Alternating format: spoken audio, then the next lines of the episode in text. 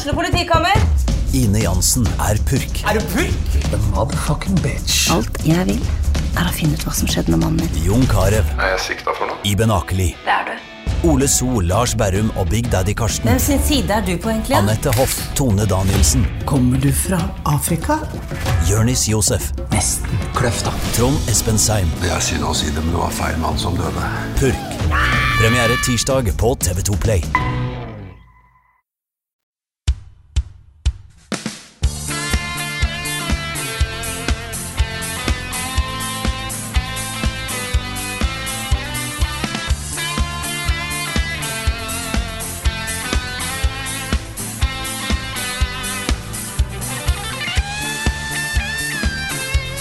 Dette rommet der etra-hypen kanskje nå har begynt å faktisk eh, legge seg og roe seg og forsvinne fra, fra rett og slett atmosfæren i rommet. Ja, det ligger litt i veggene fortsatt. Ja. Det er litt sånn når jeg kommer inn her, så liksom kjenner jeg på den hypen. Ja, Hvis du ser det lille hjørnet bak Frida der, Ja. der er det fortsatt litt hype Litt igjen. Ja, det er bak litt hjørnet, hype, ja. ja. det. Du kan får se ta og det- vekk litt sånn etter hvert. Ja, Ja. det ligger og vibrerer litt der. Ja, Det er rett og slett fordi vi er samla, faktisk, alle tre. Det er så koselig. Det er kjempehyggelig. Tenk faktisk. om vi kunne gjort dette hver gang. Ja, men jeg syns vi har blitt ganske flinke da, til å ta det over Discord, liksom. Ja, vi Ja, har vi det. er, vi Eh, er proffe eh, Discord-opptakere. Ja. Ja, tenk da liksom da Norge stengte ned og alle måtte lære seg Zoom og Discord og sånn. Vi hadde allerede lært det. Ja. Vi hadde allerede eksperter på det. Ja, Vi kunne ja. sikkert hatt foredrag om hvor flinke vi var til discord. ja, jeg tror kanskje det, altså. Men det er noe eget da å samles i, eh, i samme rom og se Det er hverandre i ansiktet og Absolutt. Mm. Det jeg samler her i dag, er jo meg, Frida Danmo. Med meg har jeg eh, Karl Martin Hogsnes og Rune Fjell Olsen. Og så tusjer en hund rundt på gulvet. Og en hund. Og så Espen er baki. Ja, det sitter en Espen bak der også. Yes. Sitter bak og. Der, der titta Espen over skjermen og smilte litt til oss. Ja. Ja. Veldig hyggelig. Litt sånn som kattene eh, under forrige podkast, hvis du så på videoversjonen. Jeg hørte noen rykter om de der kattene. Eller den ene katten de, jeg så de kommenterte det i Ja. chatten, men jeg visste at her skjedde et eller annet. Ja. Men uh, ja. Nick er en såkalt luring. Ja, men det blir en kattefri episode denne gangen her, faktisk. ja. Dessverre, kanskje. Men da er faktisk eh, nesten E3 er jo nesten over. Ja, nesten. Ja, Nesten. Det skjer mer. det gjør gjerne. Ja, i natt skjer det noe. Ja, Det kommer dessverre ikke med på podcasten, men da er det jo Final Fantasy, eh, sannsynligvis, da, part 2 reveal. Ja. Mhm. Final Fantasy 7 remake. Og jeg er sånn litt, uh, litt unormalt begeistra og spent på Dragons Dogma-videoen til Capcom. Ja. Mhm. For der tipper jeg at de kommer med en announcement. ja, for det, det, vi trodde jo det skulle komme på Capcom sin uh, konferanse, Mhm. og der var det bare en sånn Hallo, det kommer snart en video. Ja, Så jeg vet ikke hva de ja Det en var litt rart minutter, ikke vil der. Ja, Ja. En ti minutters celebration av Dragons Dogma. Um, de har ikke sagt noe om noen nye announcements. Nei, Nei. Det, det kan bare være en remaster eller noe et eller annet something something. kan hende. Men uh, det har jo gått rykter da om en Dragons Dogma 2 lenge, så jeg håper på det. Vi kommer mer tilbake igjen til uh, hva som har skjedd under nesten E3 i uh, nyhetsspalten. Ja, Men ellers, hvordan, hvordan går det med dere? Går det bra?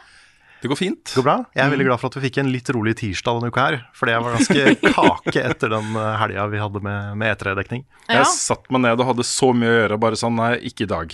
Nei, Ikke, ikke på tirsdag. man, man må ta noen pauser. Ja, fytterakkeren. Jeg satt og klipte spilluka til eh, langt på, på kveld. Det ble en beefy episode, masse trailere. En god oppsummering da, av etere. Jeg syns det. Den ble veldig fin. Ja, takk. Så, og i like måte. Du var jo med på den. Jeg var med på den, faktisk. Jeg tenkte jeg på klippejobben, så Ja, ja, ja. Det, var ikke, det var ikke en humble brag til meg sjøl. Ikke sant? Nei, men uh, det, det ble jo en ganske ok oppsummering av uh, mesteparten av det som skjedde. I hvert fall de største tingene. Uh, så den oppsummeringa vi skal gjøre her, da, blir jo litt mindre omfattende enn den. Og så har det jo kommet noen nye detaljer og sånt da, som, mm. som jeg syns er litt uh, snacksy. Så, så det kommer da i nyhetsspalten. Men det er uh, ålreit med et, uh, et uh, litt sånn samla event for spillbransjen, syns jeg fortsatt. Jeg liker det veldig godt. Det, er- selv om det ikke er selv om det nødvendigvis ikke er i formen av E3 under den paraplyen, så er det da på en måte at du har Alt er samla under en veldig kort tidsperiode. Og da blir det veldig mye Ja, folk dedikerer mer tid si til det òg, fordi det, måte, det skjer nå, og så følger alle med. Ja, det er sant. Og så følger jeg en del spilldesignere på Twitter. Og eh, de er veldig opptatt av det her med networking-greia som er E3. At det er mange, som, mange journalister som oss som sier at ja, men E3 trenger jo ikke finnes lenger, og kan ikke dette bare dø, liksom. Men um, de er veldig opptatt av den derre Dere skjønner ikke hvor viktig networking-biten av E3 er for oss. Så hvis det forsvinner, så er det veldig synd. Ja, der har du GDC, da. Jeg har inntrykk av er at veldig mange av spillutviklerne mener det er viktigere enn E3 akkurat for den grunnen. Men uh, her, har du, her har du liksom interesse for ting litt utenfor allfarvei også, som dyttes inn da, eh, mellom alle de store blockbuster-greiene. Så plutselig så får man sett spill man kanskje normalt sett ikke ville ha sett. Ja, absolutt. Det, Det er jo en del uh, små spill som får plass, Uh, og da får et større publikum, bare fordi det er med i en eh, av konferansene til, la oss si, Microsoft. Mm. Jeg så jo Hypergames var ute og sa at de fikk jo enormt med oppmerksomhet etter de var med på eh, både Holson Direct og Future Game Show. Ja, Det var i en podkast som jeg også var med i. Det var Spillrevyen. Siste Ja, episoden av Det var ikke Spillrevyen. der jeg så det, men det stemmer. Ja, eh, så du på Pressfire? Jeg tror jeg så det på Pressfire. Ja, for det var en link til den podkasten. Ok, for da rakk jeg ikke å høre podkasten. Nei. Men uh, jeg var gjest der da i den episoden som kom ut uh, i går, tror jeg det var. Um, det, er, uh, det er litt morsomt, fordi Hypergames var jo litt all over the place på, på disse konferansene. Så det er mulig vi kommer tilbake til det. Ellers har jeg hatt det, det har vært ei travel uke. Nå drar jeg tilbake til Trondheim, til gamle trakter nå i, i dag, faktisk. Så det var, eh, har vært veldig spennende å være i Oslo. Gjort mye gøy på, på UiO, på forskningsparken der. Det er veldig godt å komme hjem og til, få liksom vanlige rutiner. Mm. Men fikk du testa sushitipsene mine? Nei, det rakk jeg ikke. Det var Eh, synd. Men for jeg, jeg var litt sliten, så jeg orka ikke dra så langt. Nei. Så jeg dro bare rett ned til Det ble litt mer fancy, kanskje. Jeg dro til Brasserie Blanche Ja. oppi her. Det var veldig, veldig bra. ja, det høres veldig bra ut. Jeg har gått forbi det mange ganger og tenkt hm, hva er dette for noe? Ja, nei, det var eh, ordentlig, ordentlig bra mat. Så anbefales hvis dere er i eh, området rundt eh, Jeg vet ikke hva det heter, jeg. Det er Nesten Majorstua. Ja, Bogstadveien. Bogstadveien Ja. kaller det liksom akkurat den gata og Ja. sånt. da. Men eh, er det like liksom sånn fancy-pansy schmancy som det ser ut fra utsiden? Altså, det var jo litt fancy, det var det, men jeg følte ikke at jeg var noe malplassert der. Jeg hadde jo bare på meg litt vanlige klær og eh, ble ikke noe på en måte dårligere behandla av den grunn. Men det var en ordentlig, det var jo en, det var en fin restaurant, liksom, og Mm. jeg fikk eh, eh, Og det var, det var veldig god mat, men Ja. jeg følte ikke at det var noe overklassegreier, nei. Ja, men det er bra. For min del, i hvert fall. Jeg, eh, kanskje jeg bare sklir inn i eh, sånt Ja, kanskje det er ditt naturlige habitat. Ja, ja. Men du har vært i Oslo i over en uke nå? Over ei uke? Ja. Mm. Hvordan har Oslo behandla deg bra? Ja, jeg har jo vært mest eh, enten på kontoret her eller på Forskningsparken. Det er sant. Men utenom det så har, jeg, eh, så har det gått fint. Det er veldig praktisk å kunne komme seg overalt nesten uten å måtte følge med på når buss og tog og trikk og sånn går. For det bare går. Det er vel den største forskjellen, merker jeg, med, med Oslo. Mm.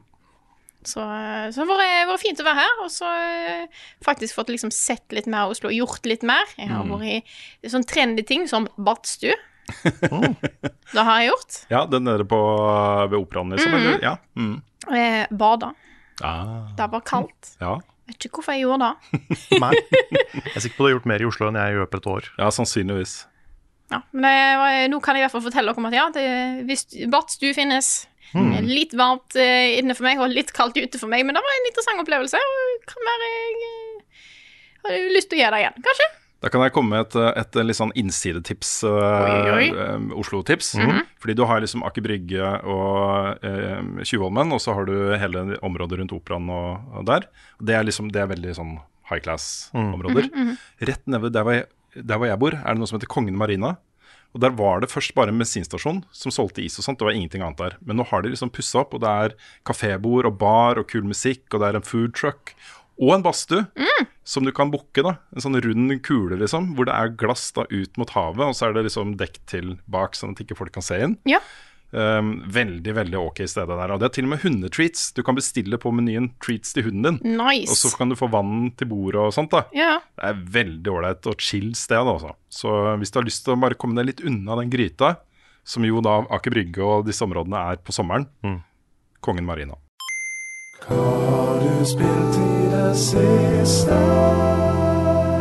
Innimellom alle pressekonferanser og spilltrailere, så er det tid for gaming òg. Alltid tid for gaming. Mm, Alltid så du tid. fikk tid til litt Destiny innimellom. eh, Nå er jeg maks level Du på alle det? tre karakterer. Gratulerer. Oi, oi, oi. Tusen takk. Mm, jeg var veldig heldig med dropsa nå etter det siste reset. Mm. Mhm. Ah. fikk jeg liksom den ene chestpieces jeg mangla til den ene, og bena jeg mangla til den andre. Jeg mangla liksom bare én ting, da. Mhm. Så jeg var eh, fornøyd med det også. Det er godt å høre. Og så har jeg crafta en uh, perfekt uh, Austringer uh, handcannon Mm. for PV. Hadde jeg fått en krone for hver gang jeg hadde crafta en perfekt uh, Austringer handcannon. Ja, jeg, jeg er ganske happy. Mm. Nå kan jeg slappe av. Ja, men det er bra. ja. Det er bra. Bra, bra. Men den nyeste eh, som er blitt spilt i redaksjonen, er, er vel det noe du har be- begitt deg ut på? Det Ja, og jeg. Og du. Ja. Ja, du, du har spilt det. Jeg har også spilt det. Dere har spilt det sammen.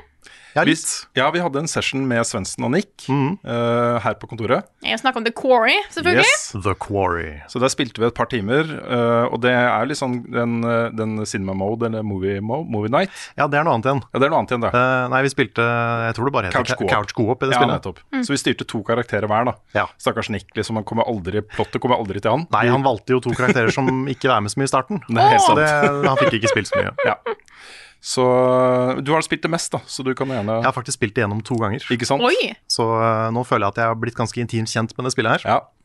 Og uh, jeg har jo snakka mye om disse spillene før. Mm. De spillene til Supermassive, som tidligere, da de ikke het Supermassive, lagde de Until Dawn. Og så uh, ble de et litt mindre studio og lagde The Dark Pictures-spilla. Mm. Så det kommer vel sånn fem til av de. Så ganske mange De, de, de pumper ut Ja, ja. horrorspill. Kjør på. Og greia deres er jo cheesy B-film-horror Mm. i spillform. Med litt den der David Cage-oppskriften. Med quicktime events og moralske valg og, og sånne ting. ja. Jeg er jo, jeg har snakka om det før, men jeg er veldig glad i de spilla. Mm. Litt fordi jeg er litt pysete på horror. Så jeg, det er sånn akkurat så skummelt at jeg takler det. Pluss at det er så teit at det er mindre skummelt. Veldig Skjønner mye av det. Så, så dette er veldig my thing, da. Litt sånn som Resident Evil på en måte. At det er liksom teit på en morsom, kul måte. Ja, i hvert fall deler av Resident Evil. Ja, ikke det ene kapitlet, det, kan, det, det trenger jeg ikke å spille igjen. Men alt det andre, det er sånn OK, dette er på et nivå som er greit. Ja. Så um, det er veldig sånn, da. Mm. Dette her handler jo om, da, om åtte uh, camp counselors. Hva heter det på norsk? Sånn derre sommerleir... Sommerleirledere-type ting. Ledere, Ja. stipendiater kanskje? Ja. Eller er det kanskje noe annet? Ja, det er noe annet. Det er noe annet. Det er de som passer på kidsa på summer camp. Ja, De som tar vare på kidsa. Ja. Og nå er jo kidsa borte, så eh, da skal disse rådgiverne hjem. Ja. Siste dag på, på campen. Og eh, så er det da en fyr som heter Jacob, da. En eh, litt sånn the jock i gruppa. Som er veldig forelska i en av de andre. Og bare vil ha én dag til sammen med henne. Så han saboterer bilen, så ikke de får dratt. ja. Oi. Og det passer jo dårlig, da, fordi den natta kommer det til å skje et eller annet skummelt. Ikke sant? Og eh, det vet jo han lederen for campen. Mm. Så han blir veldig stressa. Sånn, shit, ja, men vi må dra i dag. Mm. Eh, og han blir veldig sånn frustrert og veldig sinna og veldig redd. Og det skjønner ikke de andre. Så han sier at dere må absolutt for all del holde dere inne. Mm. Og det er David Arquette. David, David Arquette er han lederen. Ja, og det er litt kult fordi eh, dette Jeg føler liksom dette er født av Skrik-filmene. Ja, ja, ja. ja. Uh, også hele den horrortilnærminga som de gjør, da. Så det er ja kult og det, er sånn som I Know What You Did Last Summer. Ikke sant, alle de- de der. Ja. Um, men, uh, men da går jo ikke ting helt som planlagt, og dette er jo dumme kids, ikke sant? Så Ja. de, uh, det er ikke sikkert de hører på hva, hva lederen sier. Nei. Så nå kan, kan vi ha en fest, ikke sant? Nå er siste borte. party. The, the final party, Ja. med klining og uh, nødt eller sannhet og alle de tinga der. Mhm. Um, og det er jo på en måte setupet da, for historien. ja. Uh, det var så langt vi kom sammen ja. når vi spilte, så vi kom ikke til liksom, det, hoveddelen av spillet. Selv om i- prologen var litt sånn creepy. Prologen var creepy. Vi fikk noen hint der, liksom. Ja, det, er, det var litt sånn setup til hva, hva skjer, og hva, Ja. hva, hva som kanskje kommer. Eh, det var både spøkelser og noen monstre involvert der, så det var to ting. Oi, oi, oi. Uh, og en veldig skummel politimann. Ja. Veldig creepy som sheriff. Ja. Så eh, mange sånne brødsmuler av ting da, som kommer tilbake seinere. ja. Og så introduksjonen av eh, Grace Sabriski, Sabrisky, er det den heter? Ja, Som eh, liksom den eh, spåkonen som Ja. er sånn innimellom. og det er også en ting som alle disse spillene her har. Ja. De har en forteller, og hun er da fortelleren i det spillet her. Jeg tror I første spillet så var det vel Peter Stormare Ja. i Until Dawn. Og så var det, husker jeg ikke hva han heter, han i eh, Dark Pictures. Nei, men det, det var kult å se henne igjen. Så hun er jo moren til Laura Palmer fra Twin Peaks. Ja. Det stemmer. Veldig sånn gjenkjennelig dame. ja veldig. Og utrolig god skuespill. God, god Ja, hun er kjempeflink. Og det syns jeg egentlig generelt om alle i det spillet her. I hvert fall nesten alle. Mm. Ja. At det er, det er ganske naturlig stemmeskuespill og veldig sånn De har jo virkelig blitt flinke på stemmeanimasjon. Nei, på stemmeanimasjon, faktisk. Stemmer, ja, På, på ansiktsanimasjon. Ja. Ja. Uh, Lipsynk og sånn. Mm. Eh, det blir jo litt bedre for hvert spill. ja. Det var, eh, veld- det var ganske bra i Until Dawn, så gikk det litt Kanskje litt dårligere igjen i de mindre spilla. Men her er det oppe på ganske høyt trippel A-nivå igjen, da. Det er kanskje det jeg liker best med The Quarry selv også. Fordi dette er et sånn skuespillerspill mm. Hvor det er motion capture, og du vet at de har vært i studio sammen og spilt ut disse scenene sammen. Eh, og så er det jo eh, fint da at jeg syns det, fordi det er jo ikke så mye gameplay, liksom. Nei, Også det er, det er- mye, mye story hele veien. Det er mye story hele veien, og, og gameplay er ofte liksom å uh, bare bevege deg rundt til du finner noe du kan interagere med, eller å reagere da med quicktime events. Ja. Så det er ikke så mye sånn uh, det man Også sånn third person action adventure. Det er ikke sånn type spill. Nei, det er ikke så mye puzzles og skyting og, og sånn. Nei, interaktiv film. Ja, en interaktiv film. Ja. Først og fremst, da. Mm.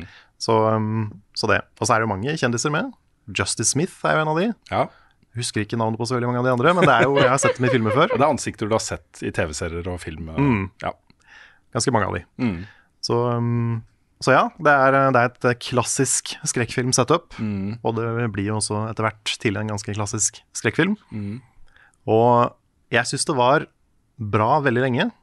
Jeg koste meg med liksom hoveddelen av spillet. Litt skuffa over slutten. ja. Jeg syns den, den var litt brå. Mm. Og de hadde satt opp en del sånne uh, character arcs og en del sånne uh, tråder da, som ikke helt Som jeg følte at ikke helt liksom fikk en konklusjon. Mm. Det, derfor så testa jeg også å spille det igjen, for å se om det hjalp. Og det hjalp ikke egentlig. Nei. Så um, nå har jeg fått to endings, en av de hvor jeg klarte å redde alle. Mm. Bra jobba. Så det, var, det er ikke så lett. For alle Nei. kan jo, dette er et spill hvor alle kan overleve, og alle kan dø. Ja. Og eh, kan også skje andre ting med alle. Som, så det, er- det er ganske mange variasjoner på ting. Mm. Men jeg syns slutten ble litt enkel. ja. Det føltes litt som en sånn wrap-up powerpoint. Det er jo litt uh, problemet med alle disse filmene, føler jeg, da. At eh, det er mer build-upen og scenene underveis som er filmen, og så sliter de Ja, vi må jo avslutte det på et eller annet vis. Ja. Mm. Så, Men det, jeg syns Until Dawn for eksempel, gjorde det bedre. Da. ja. Det føltes mer som en sånn, som en sånn klimaks og en konklusjon. Mm. Mens her så Det fisler litt ut, på en måte. ja. Ikke minst da, min favoritt innenfor denne sjangeren der er jo 'Cabin in the Woods'. Mhm. Det er en helt amazing film. Den Ja, er er kjempebra. Den har til og med jeg turt å se. Den er veldig bra. Ja, den er helt fantastisk. Mm. Uh, den rapper jo opp bra, liksom. Det er, Veldig bra. det er bra hele veien. Mm. Så det er jo mulig. Det er det. Det er det. Um, og så, første gang jeg spilte gjennom, så uh, døde favorittkarakteren min først. Nei. Og da var jeg litt sånn checked out etterpå. Ja, du ga sånn- meg til og med et tips Ja, på min playthrough. jeg gjorde det. Har du kommet hit ennå? Nei, ikke kommet hit ennå. nå. Nei. Det, det, er, det, er, det er noen som det er veldig lett å fucke opp med. Mm. Så um, der fucka jeg opp. Jeg skal til uh, Sverige, til hytta til søstera mi uh, i helgen. Mm. Og jeg har tenkt til å, i hvert fall vurdert å ta med meg PlayStation og, og spille dette med uh, svigerbroren min og søstera mi, da. Ja, ikke barna. Nei, ikke barna. Ikke barna, ikke barna, ikke ikke barna. De skal få spille andre ting. Men, eh, men eh, jeg husker sånn tilbake til Heavy Rain. Så anbefalte jeg det for de, da, for de liker å spille spill sammen. Det er sånn superspill å spille sammen, ikke sant? Bare ikke med foreldrene dine. Nei. Nei. uh, og da døde alle, ikke sant. Og de er, så det har vært kult å spille akkurat dette med de, da. Mm. Hvor uh, de får ansvaret for hver sine rollefigurer, ikke sant. Ja, sånn. ja. Men det er jo veldig mye lettere å overleve her, uh, sånn i hvert fall quicktime-messig, Ja. enn det er i både Heavy Rain og eh, de andre Ja. Dark Pictures-spilla. Ja. For du får, du får en advarsel når du kommer i en quicktime-event, ja. og du kan også stille din sånn at, de, at du har mer tid på det. Ja, nettopp. Okay. Veldig mye sånn accessibility Ja, settings, mm -hmm. så det er veldig bra. det er bra. Aim assist har du på våpen og mye sånne ting. Så um, Du har jo til og med den, Movie Night er vel den moden hvor du egentlig bare setter opp noen parametere i forkant, og så ser du det på det som en film. ja, da er det bare film. Ja. Okay. Så uh, mange måter å spille det på. Mm. Og det er veldig mye bra med det. Jeg synes det sånn Produksjonsmessig så er det på nivå med Until Dawn. Ja. Sånn budsjettmessig, liksom. Det har jo ikke de andre spillene vært. Men uh, litt av slutten da, så ble jeg litt skuffa på, på til slutt. ja. Nei, for jeg er spent på om jeg er enig når jeg kommer så langt. Mm. Jeg, har jo, jeg skulle jo egentlig levere anmeldelse av dette spillet her til NRK denne uka her. Hadde ikke kjangs. Det skjer, skjer litt litt for ting. mange andre ting. Skjer litt andre ting. Jeg har svært møte i morgen som jeg har forberede meg til også. Eh, og så drar jeg til Sverige i helgen, så jeg har fått utsettelse. da Så jeg leverer den i løpet av neste uke en gang. Mm. Så jeg skal få komme meg til slutten uh, før det. da. Mm. Min anmeldelse også kommer nok i løpet av neste uke. Ja, Det tenker jeg. kult. Og så har jo du spilt eh, et spill som jeg snakka litt, om i forrige uke. Absolutt. eh, Mario Strikers. Jeg har begynt på det, i hvert fall. Ja, Jeg har eh, opplevd det du nevnte, om at dette er et litt vanskelig spill. ja Det var jeg, supervanskelig. Jeg sleit mot bottene til og med. Ja. Normal. Jeg, eh, jeg har kommet gjennom tutorialen, for jeg tenkte det var lurt. Ja. Og mot slutt så er det på en måte Ja, du skal Du, du lærer noen ting, og så får du Ja, i denne testmatchen her så skal du bruke disse tingene du har lært så og så mange ganger. Og jeg tror den ene gangen så fikk jeg ikke til noen ting av det. Nei, en eller to også hos meg, da. Mm. Så ja. Så det var liksom ikke snakk om at jeg fikk til noen ting fordi at bottene var for gode. Så jeg fikk ikke tid til å charge opp sånne mega sånne super strike-ting. For ja, fordi bottene var kjempegode. ja, så jeg tok en test testmatch og satte bottene på easy. Ja, det er nok lurt. Og planen min nå er å eh, spille på easy til jeg føler at jeg har kontroll på vanlige ting. Mm. Jeg, jeg, jeg knoter litt. Det er dette her med at du må eh, bytte spillere og ha kontroll på hvem du er, og det er litt ofte at jeg eh, trykker skyteknappen når jeg er i feil barnehavdel, for jeg tenkte at da er senterknappen. Ja. Så jeg må få kontrollene inn da. Det er det jeg merker. Ja. Eh, men jeg, jeg er- har òg lyst, planen min nå, jeg kommer tilbake til Trondheim, å gå tilbake igjen til Mario Strikers på GameCube, Mm. for å bare finne ut måtte, var det, var det like vanskelig? er det, eller er det på en måte dette her som er litt verre, da? Mm. Men det føles ikke, u, føles ikke uoppnåelig, liksom. Jeg bare kjenner at jeg trenger mer tid på å få det inn i fingrene enn jeg først hadde trodd. Ja, og jeg, jeg syns det er et interessant valg av Nintendo å legge det på det nivået, fordi dette er helt åpenbart et spill du kan bli god i. eh, og øve på og bli bedre enn de andre, liksom. Ja. Uh, og når du har da hele den svære online-modusen, du kan lage en klubb med 20 spillere, og du kan liksom få din egen, egen navn på klubben og delta i, i ligaer og cuper og spille mot andre og sånne ting. Det kommer jo helt sikkert offisielle cuper Ja. på dette her, og også uoffisielle turneringer og den type ting. Mm. det er et e-sportspill, liksom. Men Nintendo har jo prøvd seg mer på det, sant? Med, med Splatoon òg, som er jo egentlig et veldig kompetativt spill, og har Mm. hatt veldig mye fokus på Det er jo et online multiplayer-spill, liksom. Og Smash. Og, Og Smash. Smash, helt klart. Men de er jo ganske fæle å jobbe med òg, når det kommer til e-sport. Ja. At det er, Ja. det er vanskelig å få, få de med på laget på eventer og, og sånn. Det er sant. Mm. Jeg tenker mer at dette her er da kanskje et spill som eh, sånn Splatoon er det jo ikke noe lokal coop på, så det er jo på en måte mest online. Mm. Eh, og da har du jo på en måte at du kan bli veldig god i Splatoon, og her Ja. virker det som at du kan bli veldig god det. Men jeg, jeg glemmer litt å på en måte teste det, for jeg tenker jeg skal utfordre Petter til dette her, og så la oss prøve. La oss prøve dette her før jeg blir altfor god, da. Bare Ja. måte for å se er dette gøy å sette seg ned med med to stykker som ikke kan det egentlig så veldig godt. Blir det interessant? Jeg tror det at hvis, hvis f.eks. sønnen min hadde satt seg ned med en kompis og starta på det samtidig, og de hadde spilt mot hverandre, så er det et partyspill. Ja. For da er de omtrent like gode og, og sånt. Men hvis da eh, en av de får muligheten til å øve før de møtes neste gang, Ja. så kan det bli veldig lite gøy, altså. Ja. da tror jeg mye av den morofaktoren eh, går bort. Da handler det bare om å være god, liksom. Ja. Det er, det er, jeg syns det er et fair valg, og jeg syns det er et eh, dristig valg, egentlig, av Nintendo. Å legge seg på det nivået. Men, For det, eh, det er helt klart mange nok mekanikker til at det er utfordrende. Det er liksom ikke bare én skyteknapp. Det er, det er veldig mange ulike måter å sentre på. Det er ulike måter å skyte på. Det er eh, sikting. Det er, så det er ganske mye involvert her. Det er det. Det er det. Og så må du eh, ha oversikt over alle de itemsene som dropper på banen, og plukke opp de, og så bruke den, og Ja. Nei, jeg, eh, jeg liker det så langt. Uh, men jeg kjenner at dette er et spill jeg trenger litt mer tid Ja, ja. på, og tid med, uh, før jeg eventuelt kommer med en anmeldelse. Men da håper jeg fortsatt på å få til. eh, Men jeg må, jeg må øve litt, rett og slett. Jeg har jo da anmeldt det på NRK. Anmeldelsen kom ut i helgen. Mm. Jeg ga det terningkast fire. Jeg syns det var fair eh, for det spillet. Det er- står veldig inne for den også. Ja. Selv om jeg må jo innrømme jeg har ikke blitt veldig god i dette spillet, og jeg, jeg tør ikke å prøve meg online mot folk. Så det handler mer om en, en slags analyse da, av, mm. av eh, hvilke muligheter det er i spillet, og hvordan man utnytter det. Ja. Det er som regel ganske humbling å gå online. Å, fitt rakkeren. Det, I Smash er det sånn av og til jeg vinner, Ja. men Mario Kart har ikke sjans. Nei. Folk er så gode i Mario Kart. Ja, det er helt vilt. Mario Kart syns jeg er veldig gøy å spille online. Men du er så god i Mario Kart. Ja, du Mario Kart Mario. Kart. Du var så god i Mario Kart at du var god i Chocobo GP.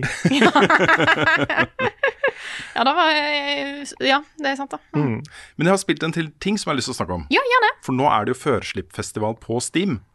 Og der kom det jo pinadø en time lang demo av Angerfoot. Ja. Som et av de spillene jeg virkelig virkelig digga på Devolver Digital-pressekonferansen. Ja, stemmer. Så den satte jeg meg ned med, og hadde det altså så innmari artig med den demoen.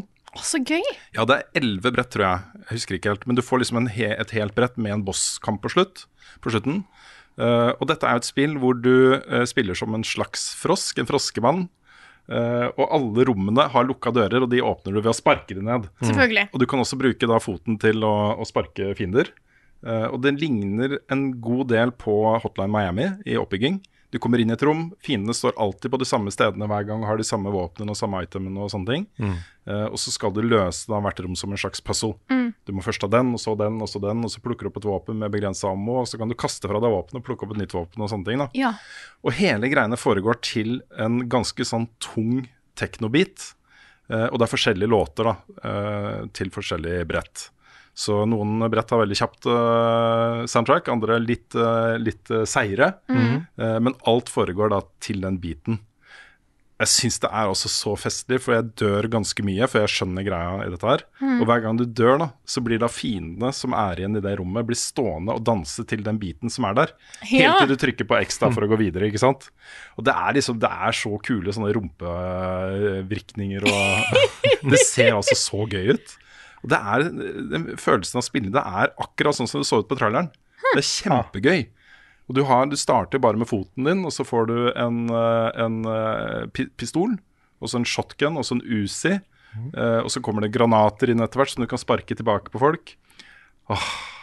Bosskampen var jo mot et helikopter du må sparke, da. Selvfølgelig. Ja, ja. Går det an å utvide med en sånn happy hand? Ja, det, litt sånne ting? Ja, du hadde en sekvens eh, mellom to av brettene hvor du sitter i sofaen med kjæresten din, som du kan da kose med med foten din. Så du tar opp foten og liksom stryker på kinnet og plukker opp alt da med foten. Fjernkontrollen til TV-en og telefonen din ringer, og så plukker du opp med foten.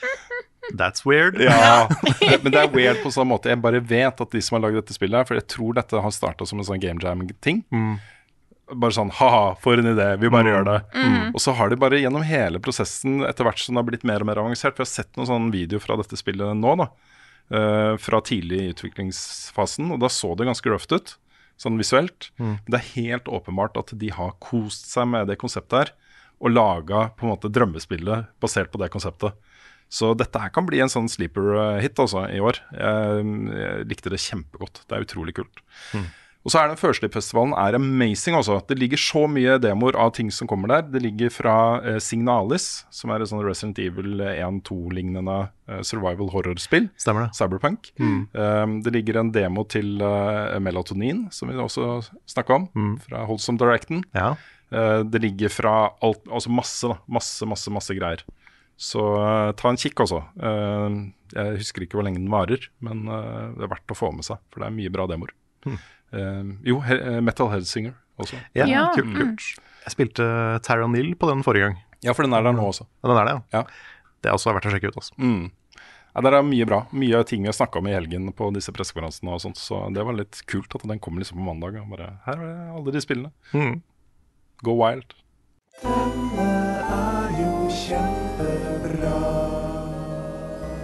Ukens anbefaling. Nå har jeg allerede kommet med én matanbefaling, og nå skal jeg komme med én til. For at når jeg har vært i Oslo nå, så har jeg fått testa litt diverse eh, nye restauranter og sånt som jeg sjelden får eh, gjort. Og i går så var jeg og spiste ramen på Rimnir Ramen. Ah, den har jeg ikke vært på. Nei, den er oppe på Vulkan, blir det ikke da? Oppe der? Det er rett der over her. Jo, der har jeg vært. Ja. Også inne i kjøpesenteret, i øverste etasje der. Ja, det er en egen inngang, i hvert fall. Ja, så på, eh, på toppen av kjøpesenteret så er det liksom matbutikk og sånne ting lenger ned. Dette kan ikke jeg noe Ja. om. Det er i hvert fall oppe Han er veldig kjent, eh, hvis- det er det samme stedet. Jeg, tror- det er sikkert ikke flere, men det har, der har jeg vært, og de har eh, veldig god ramen. De har veldig god ramen. så hvis du ikke er i Oslo, så ta stikk innom der, altså. For der var jeg i går, og det var jo en Det var veldig mye mer eh, nudel enn jeg klarte å få plass til i min kropp. Så det er i hvert fall store nok porsjoner, vil jeg si. Men det var, det var skikkelig, skikkelig godt. Jeg hadde en eh, spicy miso-ramen som var helt nydelig. Og nå får jeg lyst på ramen. Ja. Så jeg tenkte bare å informere om dette her, for jeg oppdager ting, sant. Det er sikkert eh, andre Det hender jo eh, Jeg ser det dukker opp f.eks. for eksempel i discorden vår, folk som skal Ja, nå skal jeg til Oslo og ha noen matanbefalinger. Og nå har jeg det. Den var, det var nice. Det var et veldig godt eh, tips, altså. Jeg husker første gangen jeg spiste ramen, så var jeg veldig usikker på om dette var noe for meg. Mm. Jeg syntes det var litt vanskelig å spise det. Ja. Men så har jeg liksom skjønt ok, en kombinasjon av pinner, få opp litt mat, drikke litt fra, fra koppen. Ja, for jeg fikk med sånn, eh, sånn eh, Skje, liksom. Ja, mm, Ja. Så det, var, det var, gjorde det veldig mye mer praktisk. Ja, du kan Det er lov. Ja. Bare drikk fra koppen. Ja. Eller den store bollen, da. Ja. Så Ja. ja det er Rimnir Ramen. HR ja. Imnir. Jeg lurer på om det er kanskje noen som har tatt over det gamle stedet. Det kan være. Vet ikke. Det var i hvert fall veldig, eh, veldig bra. Lett å komme seg dette. Good shit. Ap apropos eh, matanbefaling, Ja. føler jeg vi må gi en shout-out til Nick, som i helga ble forelska Ja. i eh, fries på kverneriet. Det, jeg syns det er så morsomt å være med Nick på restaurant, Mm. fordi han er så kreativ med eh, matbestillingene. Og Der fikk han jo først en cheesecake, Ja, det stemmer. det Sånn der Sunday cheesecake. Ja. Mm, og så uh, pommes frites. ja. Det- Og så en uh, hamburger. Jeg var litt redd for at jeg hadde liksom oversolgt den pommes fritesen Ja. på, på kverneriet, men han har ikke prata noe annet etterpå. Nei, men så bra, da. Så det, jeg tror han ble veldig fornøyd. Så bor han like i nærheten nå, vet du. Han gjør det. Ja, Litt skummelt, da. ja det er Det er dyrt òg på kverneriet, Jo, jo. men det er dritgodt. Det er veldig verdt det. Mm. Her kommer nyheter han har ikke hår. Dette her blir jo en litt sånn eh, rar nyhetsspalte, egentlig. Fordi uh, For det første så har vi jo uh, snakka masse om dette her på livestreams og, og sånt i det siste. Ja, og spilleuka. og spilleuka. Uh, men det er jo umulig å komme unna en slags oppsummering av alle de pressekonferansene som har vært. Eh, hvis man bare hører denne podkasten her. Liksom. Ja. Så, så vi tenkte å gå gjennom de aller, aller da, største nyhetene fra disse pressekonferansene. Og litt sånn overbyggende så var det nok ikke så mange sånne superhotte, helt nye ting som vi aldri har sett før.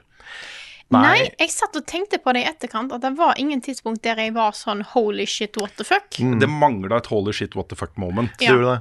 Dette er jo litt et resultat av to år med pandemi, Ja. jeg tippe. Ja. At ja. spillbransjen driver fortsatt og er i recovery mode etter det. Det er Ja, sikkert det veldig, nok- veldig mange arbeidstimer som har blitt eh, tapt på det. Det har nok en del med det å gjøre, og så tror jeg de eh, porsjonerer ut uh, announcementene litt. grann. Mm. Um, jeg ble kanskje også Den beste pressekonferansen i mine øyne var nok Microsoft sin, men selv der var det liksom De slo ikke akkurat på stortromma. Nei. Det kunne kommet mer, og vi vet de har mye mer på gang, liksom. Men da Mm. Det var, ligger det eh, tydeligvis et par år fram i tid, da. Ja, ja, for der var det mest oppdateringer på ting vi allerede visste om. Nettopp. Ja. Eh, pluss at det var veldig mange spill som ikke dukka opp. Ja. Sånn som eh, Fable og Ja. Perfect Dark og ja Wonder, Wonderland? Nei, hva heter det? um, Ever, Everwild. Everwild. Everwild, ja. Dukka ikke opp. Ja. Og så mangler jo Nintendo. Jeg hadde jo håpet at det skulle dukke opp, for der er det jo veldig mange eh, spilltitler som vi ikke har sett så mye av, som burde komme nå snart. Så eh, det er helt klart eh, det var, eh, Selv om det var, det var gøy, og jeg koste oss, og sånne ting, så følte jeg at jeg satt igjen og tenkte sånn ja, Hva spill var det egentlig jeg likte best? Ja. Mm. ja, det ble litt sånn. Ja. Uh, kan du starte da med en liten oppsummering av de tingene vi snakka om i forrige uke? For det var jo på en måte en del av E3-pakka, det også. Eller nesten E3-pakka. Eh, og da fikk vi jo se da The Last of Us eh, eh, på eh, Summer Game Fest. Med da The Last of Us Part 1, en slags remake, remaster.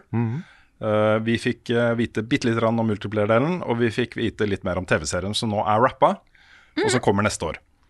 Uh, vi fikk avdukingen av Goat Simulator 3. Helt nydelig. Ja, Fins ikke noe godt Simulator 2. Bra. Da gikk rett på treen. Ja, Og så fikk vi også se uh, Street Fighter 6 i all sin prakt. Ser uh, kjempebra ut. Det gjør det. Og så vil jeg også nevne at eh, et av de spillene vi snakket da mye om i forrige uke, Callisto, The Callisto Protocol, eh, ble jo liksom litt stjernen eh, i sånn pre-etere eh, før, de- før helgen, da. Men det fortsatte å være det gjennom helgen også, for det har blitt vist fram nå på flere konferanser, og ser amazing ut. Uh, og så har vi også en del norske uh, visninger på, på disse pressekonferansene. Kan jo starte da med Snusmumrikken, eller Snufkin som det heter på engelsk. Som eh, Hypergames var jo både på Holsome Direct og på Future Game Show. Future Game Show, var det ikke det? Jo, Ja. det tror jeg. Eh, den store nyheten var jo at eh, Sigurd Aas, som jo er en av Islands mest eh, kjente musikere, lager musikk til dette spillet. Det har liksom, det begynner å forme seg litt sånn hipster-something-something something her. De har jo også japansk på liksom, I selve logoen så er det japansk. Uh, dette er Jeg vet at både Sigurd Aas og Mummitrollet er kjempestort i Japan. Så dette kan bli en sånn greie, altså. Ja. De selger sikkert to millioner eksemplarer bare der, ikke sant? Det er nok sant. Ja, Det, Snøfkin høres ut som et skjellsord, ja, men Mm. nesten. men snusmumrikken også er rart. Ja, det er litt Sånn, rart. hva er en mumrik, og hvorfor mumrik? snus? Mm, Det er sant. Men uh, sånn helt uavhengig av at det er norsk, og at det er Hypergames, og at vi kjenner Are litt, og, og sånt, så syns jeg det ser bra ut. Ja. Og så det det. har noe for seg. Mm. Så jeg er veldig spent på den også. Uh, Iconay Island fra uh, Snowcastle ble også vist fram uh, i helgen. Dette er jo en spin-off fra uh, Earthlock. Mm. Så det heter jo Iconay Island An Earthlock Adventure.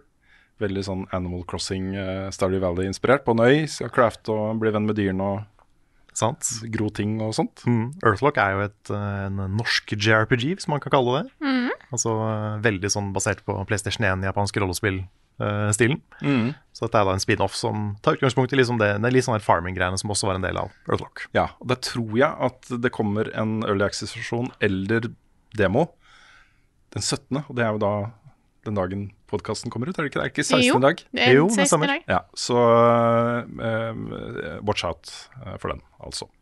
Vi fikk også se multiplayer-avdukingen til Dune Spice Wars. Den kommer jo senere i sommer. Dette er jo ikke norsk utviklet, men norsk utgitt. Stemmer. Det er Funcom som er publisher på den, og de eier også uh, merkevaren Dune da, på spill. Uh, eller rettighetene til å lage spill basert på Dune. Uh, og så ble også Metal Hellsinger vist fram opptil flere ganger. Det er også Funcom, Funcom utgitt og laget av svensk studio. Det spillet har Svendsen blitt eh, frelst av i det siste. Ja. Han uh, spilte masse. Mm. Så det var gøy å se litt sånn norsk representasjon på eh, disse pressekonferansene. Uh, riktig å starte med det. Men jeg tror nok kanskje den største tingen uh, fra disse pressekonferansene var nok avdukingen av gameplay fra Starfield. Eh, vi fikk eh, over 14 minutter, nesten 15 minutter med ren gameplay fra litt forskjellige steder i spillet. Eh, Pluss en gameplay-trailer, nei, story-trailer med gameplay-elementer. Eh, og dette var jo første gang vi virkelig fikk se dette spillet in action. Uh, og fikk et inntrykk av uh, størrelsen på det og hva man kommer til å gjøre nå. Og mm, de har i etterkant sagt at det å bare følge storyen er sånn 30-40 timer. Men du kan gjøre hva du vil. Du kan lande hvor du vil på alle disse planetene. Det var 1000 eller noe sånt. 1000 planeter. Ja, Det er sånn som bekymrer meg. Da. Ja, jeg også Sånn, på det. hva skal man gjøre på 1000 planeter? Ja. Jeg Eh, trenger bare sånn seks Ikke stykker. sant? Ja, seks bra planeter er bra. Ja. Ja, Todd Howard har jo vært ute og sagt da, at uh, ja, det stemmer det. Det er ikke alle disse planetene det er like interessant å lande på. Han har sagt det. Da kunne de tatt de vekk. Ja, Men det som er litt kult, er at uh, de har jo blitt veldig inspirert av No Man's Sky her. Eh, på den derre fri uh, utforsking-delen av spillet. Eh, du skal kunne utvinne ressurser, du skal kunne bygge baser, du skal kunne bygge ditt eget skip. Eh, og Det betyr jo da at hvis du finner en av disse planetene som det ikke skjer så mye kult på, men det ser pent ut, liksom, så kan du bygge basen din der. Det kan bli hjemmet ditt liksom i det universet her. da. Så det har allikevel en funksjon, tenker jeg da. Og dette er du gira på, er du ikke? Ja, jeg blir litt gira på den delen av det. Og så litt mindre gira på det de viste av Combat, som så litt clunky ut, og ikke helt sånn velfungerende, egentlig. Mm, det så ut som Bethesda Combat, og det er litt kanskje slemt å si, men det, er, det er sånn veldig mange av de spillene er. Fallout, og det, det er ikke helt den der Det er ikke gunplayet til som Halo eller Destiny. Nei, det er ikke det, og det skulle jeg gjerne hatt også i dette spillet. Jeg så det var noen på communityet vårt på Discord som snakka litt om ja, dette her burde jo vært BioWare, altså Mass Effect. Det hadde vært noe type annet. ting, Mm. så hadde dere vært mer interessert. da. Um, men uh, jeg tenker også at hvis, hvis utforskingsdelen og ikke minst de her artifact-tingene du skal finne, for da blir, spisser jeg ørene med en gang. Det er noen mystiske artifacts du skal samle, og hva gjør de artifactene når du klarer å samle alle? Og, ikke sant? Det er sånn uh, element i sci-fi som jeg er veldig glad i. Så um, jeg er uh, fortsatt gira. Det er liksom min konklusjon. Fortsatt gira på Starfield. Ja, jeg, jeg håper det spillet blir bra. Er veldig, det, det er veldig veldig kult hvis det blir så bra som det kan bli. Jeg er eh, litt sånn forsiktig eh, avventende foreløpig. Litt bekymra, kanskje. Men, men jeg håper at de har gitt det spillet den tida det trenger. Jeg er forberedt på å bli skuffa, Mm. og så er jeg eh, glad hvis det blir bra. det er ja. ja. Um, nå har jo Todd Howard og, og Bethesda vært ute med masse intervjuer etterpå, hvor de da bl.a. også har eh, annonsert eh, Fallout 5. Men de har sagt da at det er det spillet de skal begynne på etter Elder Scrolls 6. Og Elder Scrolls 6 skal du lage etter at Starfield er ferdig. Ja. Så de skal begynne på det etter det spillet som har blitt utsatt, og Ja. så etter det spillet igjen. Ja. Ja, Så eh, vi snakker vel 2030 eller noe sånt. ja hvis ikke seinere. Ja. Uh, jeg tipper at de nok er i gang med Elder Scrolls med team. I hvert fall noen folk da som sitter og jobber med assets eller story eller et eller Ja, det har vel sagt pre-production, er det ikke det? Ja, så, um, så, men de har jo bare ett hovedteam, liksom, som går fra spill til spill. Så men det kommer det et Fallout 5. Um, showet til Microsoft starta også med en lang og veldig fin uh, visning av Redfall, som også ble utsatt. Både Redfall og Starfield skulle jo komme i år. Ble utsatt til neste år, begge to. Uh, og Redfall er jo Arcane, Jeg tror det er Prey-teamet som lager Redfall. Ikke 100 sikker. Det tror jeg stemmer. Ja. Eh, og nå fikk vi jo se liksom veldig konkret av hva gameplay er. Og det er jo en kombinasjon av co-op, open world, action adventure. Ut og renske denne Redfall-byen for vampyrer. vampyrer. Det har foregått eh, mystiske eksperimenter på det laboratoriet som ligger eh, rett utenfor byen. ikke sant? Eh, og byen har blitt infisert av eh, vampyrer. Men det jeg syns var kult da, med uh, den demonstrasjonen, var at du kom til et punkt der mot slutten hvor du gikk gjennom en slags magisk dør og havna i en slags magisk verden hvor ting var liksom litt funky med arkitektur og, Ja. og Det var det kuleste med Ja. Redfall. Ja, og da Helt fikk klart. det et snev av noe annet enn bare gå rundt i byen og drepe vampyrer. Ja. Ja, jeg synes det så veldig Jeg ble mye mer solgt på det nå. Jeg er veldig spent på den der banter-delen mellom hovedpersonene. Ja. Ja. For det er sånn, det kan enten bli bra, eller så kan det bli litt sånn der boomer-kleint. Ja. At det er noen som ikke er så ung som har skrevet dette her, og så prøvde å liksom sånn snakke kidsa, og så blir det rart. De fikk det til i Guardians of the Galaxy-spillet. De gjorde det. For der hadde vi samme bekymringen på forhånd. Det er sant, det. Men der var det ok. Ja, jeg syns det. Så når du ser det over tid og blir litt kjent med disse rollefigurene, og sånne ting, Ja. så sitter det litt bedre. Og der er det sånn, Hvis du spiller det co-op, så vil du kunne ta litt sånn derre Left for Dead klassebasert fordeling av roller. En er god til sniping, en er god på cloaking, en kan gi deg andre typer fordeler. Du har en tank osv. Så, videre. så um, det har, dette spillet har mye for seg også. Um, av andre store Microsoft-nyheter, Forza Motorsport. Vi visste jo det skulle komme, og det er ingen stor overraskelse at det skulle komme, men her ble det da liksom skikkelig vist fram. Det kommer neste år. Dette er jo uh, hoved... Um, de har to serier. Forza Motorsport, som er den seriøse liksom storebroren, og Forza Horizon, som er liksom en mer actionfokusert Arkade-versjon av det, da, men med samme engine. Um, så jeg syns det så sjukt bra ut, um, og gleder meg veldig til det også.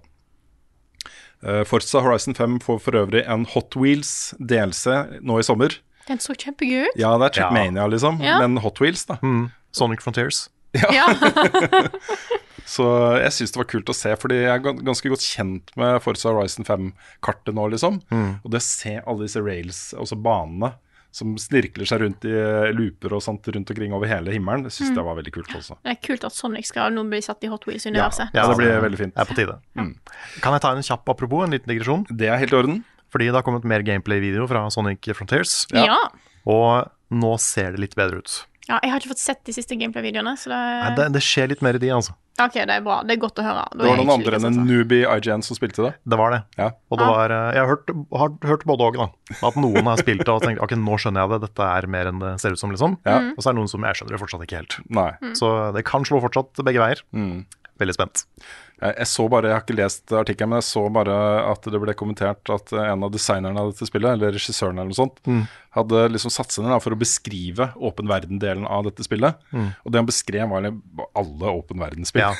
Ja. Ja, mm. Så, men det er, jeg, jeg har bare headline på det, så jeg vet ikke noe mer enn det. ja, men det, det er mye info jeg har fått kun fra headlines. Ikke sant? ja, ja. De hadde visstnok scrappa den første versjonen av spillet helt. Oi. Så de har lagd det på en måte for andre gang. da. Ja. Så er, jeg lover å håpe at de prøver å gjøre det ordentlig. Jeg syns fortsatt det så ganske bra ut. Så ja. det, ikke, det ikke, ligger det ikke høyt opp på ting jeg gleder meg til. Nei, jeg er hakket mer positiv nå etter å ha sett mer gameplay, Ja. men eh, fortsatt eh, ja, avventende. Hideo Kojima dukka også opp på Microsoft sin pressekonferanse. eh, Ikke for å vise fram noe, men for å si at han har inngått en avtale med Microsoft om å lage et nytt spill. Et spill han har gått og drømt om å lage lenge, og som nå er mulig via Microsofts cloud-teknologi. Er det noen andre enn Hideo Kojima som får lov å komme med sånne announcements? Nei. Bare sånn hei til webkamera, og Nei. det er det? Ja, jeg vet ikke helt hvem det skulle vært. Det, det måtte vært liksom sånn Miyamoto eller Ja, Miyamoto, eller, eh, kanskje. eller uh, From Software eller noe sånt, liksom. Ja, Bare hvis- med noe info. Altså Hvis Miyazaki hadde kommet på skjermen Ja, og sagt noe, så hadde jo vi spissa ørene. Vi hadde jo det. Men uh, Kojima har jo lagd mye rare konsepter opp igjennom. Mm. Boktai, for eksempel, på uh, Var det ikke- ikke det Nei, Gameboy Advance? Var det det med sola? Med sola. Ja, Hvor du måtte ut faktisk i sollyset for å drepe vampyrer. Ja. Um, det, det var en sånn sensor som du kunne koble til, eh, til eh, Gameboyen. Mm. Um, litt sånn Litt for mange fordeler hvis du bor da i et land med midnattssol, f.eks. Ja. kan spille når som helst. Ja. Eh, eller da motsatt, hvis det er på vinteren. I Nord-Norge, f.eks. Du bare dør, du. Ja, ikke sant. Ja. Hele tiden. Kan, får ikke drept noen vampyrer. Så um, jeg er litt spent på hva dette her kan være for noe også. Og så fikk vi da uh, se uh, Hollow Night Silk Song, ny trailer. Fy Ja, fader. Det var så, var så godt å se deg igjen. Ja, det kommer. Vi er litt usikre på om det er innenfor, for de sa at alle de 30 spillene de viser fram, vil komme i løpet av de neste tolv månedene. Ekskludert av Hideo Kojima-greiene. Ja. Men muligens også ekskludert Silk Song, for den sto ikke på den oversikten over alle de spillene. Ja, jeg har prøvd å grave litt i det her. Ja, Og Xbox påsto jo at eh, Hollow Night Silkson kommer i løpet av tolv måneder. ja. Men teamet har ikke sagt noe sjøl. Nei, Team Cherry er Ah. bare sånn De har sikkert bare trukket på skuldrene. Ja, kanskje det. Ja. Ja? Kanskje de, det. de har ikke, jeg, tror ikke, jeg tror ikke de forholder seg til noe dato akkurat nå. Ja, mm. Det var Så- en bra trailer som viste fram mange forskjellige miljøer. Og når det er tilfellet, så tenker jeg at de har kommet ganske langt på vei også. Ja. Ja. Så får krysse fingrene. Men de er også perfeksjonister, så det kan jo fort ta litt tid. Ja. Og så et spill som jeg føler vi kanskje gikk litt kjapt forbi mens det ble vist fram, men uh, nye spillet til uh, Team Ninja og Koei Tekmo, som heter Wolong. Uh, Ja. Og vi beskrev det jo som en uh, Nio-oppfølger, Uh, men dette foregår i Kina. og Det, Ja, det fikk jeg også med meg. ja. Eh, ikke bare foregår det i Kina, men det er lagt da til de tre rikers tid i Kina, som er en veldig sånn populær tidsperiode, fra 220 til 280 etter Kristus, en kort periode, hvor det var da tre forskjellige deler av Kina som eh, alle tre mente de var den rettmessige keiseren av Kina. Masse kriger, og det endte jo med at alle disse tre keiserne ble drept. og det? Utrolig mange mennesker som døde da. Det er en veldig populær eh, eh, tidsperiode for både spill og TV-serier og filmer og bøker og alt mulig rart. Inkludert Dynasty Warriors. Som jo er, det er der det kommer fra, ikke sant? Okay. Det er derfor dette samarbeidet har kommet på plass. For de kan masse om den tidsperioden, og om uh, law og sånne ting, ikke sant? Um, det er også uh, sagt da at det har jo selvfølgelig mye til felles med Nio. Og så det er den samme Souls-like uh, spillbarheten og sånt. Ja, Det så ut som gameplay og grafikkmessig så det ut som 9 og 3. Ikke sant? 100 Ja, for dere var jo helt sikre nesten på at det var 9 og 3 òg. Ja, det så ekstremt ut som 9. Eh, jeg har ikke lest boka selv, men når jeg gjorde litt research for dette, så er det en bok som stadig blir, eh, blir anbefalt om tidsperioden, hvis du har lyst til å forberede deg til hvor lang. Det er en bok som heter 'Beretningen om de tre kongedømmer'. eh, og Det er en kinesisk historisk roman skrevet av nå, Jeg klarer ikke å uttale den navnet riktig. Luo Guanzong på 1300-tallet. Basert på da Oi! de historiske uh, kildene som var på den tiden. da Så kult. så, så dette er en, et sånt verk som blir referert til både utrolig mye japansk manga og anime. Ja. Hvilken tidsperiode var føydal-Japan? Ja, Det var 1300-tallet. Ok, 13 ganske mye 1500. senere. Ja, Ja, ganske mye senere. Skjønner. Ja, nå husker jeg ikke helt om det var akkurat 13, men jeg tror det var 1300 til liksom 15 et eller annet, eller 1600-tallet eller noe sånt. Ok, jeg bare tenkte for da er det vanskelig å ha noen crossovers. Ja, det er nok ikke noen crossovers. Nei. Men det, de hadde jo ting med hverandre å gjøre også på den tiden. Og det er ikke uten grunn da, at veldig mange japanske eh, historiefortellere er fascinert av den tidsperioden. Det skjedde mye greier der. Så, så den kan bli spennende. Uh, vi fikk vite at eh, Riot Games kommer til GamePass med både Valorant og League of Legends og spin-off-greier fra det. Eh, også noen av spillene som bare foreløpig er på mobil, eh, kommer dit. Eh, og dette er jo selvfølgelig fordi både Starfield og Redfall ble utsatt. De trenger content til GamePass, og det gjelder også Persona. Persona kommer nå til Xbox for første gang, Ja, og. GamePass. Det er veldig kult, for det er de, det er de tre beste versjonene av Persona-spillene. Ja. Det er Persona 3 Portable, hvor du kan være mann eller dame. Ja. Eneste versjonen av Persona 3 du kan det. Mm. Persona 4 Golden, som er den beste versjonen av 4. ja. Og Persona 5 Royal, som er beste versjonen av 5. Så det er kult. Det er litt vanskelig for eh, folk som ikke kjenner den serien her til å vite de tingene du snakker om nå. Ja. At det er den beste versjonen. Men bare tenk, det er 3, 4, 5. Ja, trevlig. Ja. Og de har ikke noe med hverandre å gjøre, nesten. Så du kan spille hva du vil. Ja. Og så er da alle agents f.eks. i Valorant på GamePass vil være unlocked. Så du trenger ikke å grinde for å låse opp de. De er bare tilgjengelige fra starten av. Jeg tror Valorant ikke kommer før 2023. Jeg mener jeg så en sånn oversikt over at det skal porsjoneres ut på et vis. da.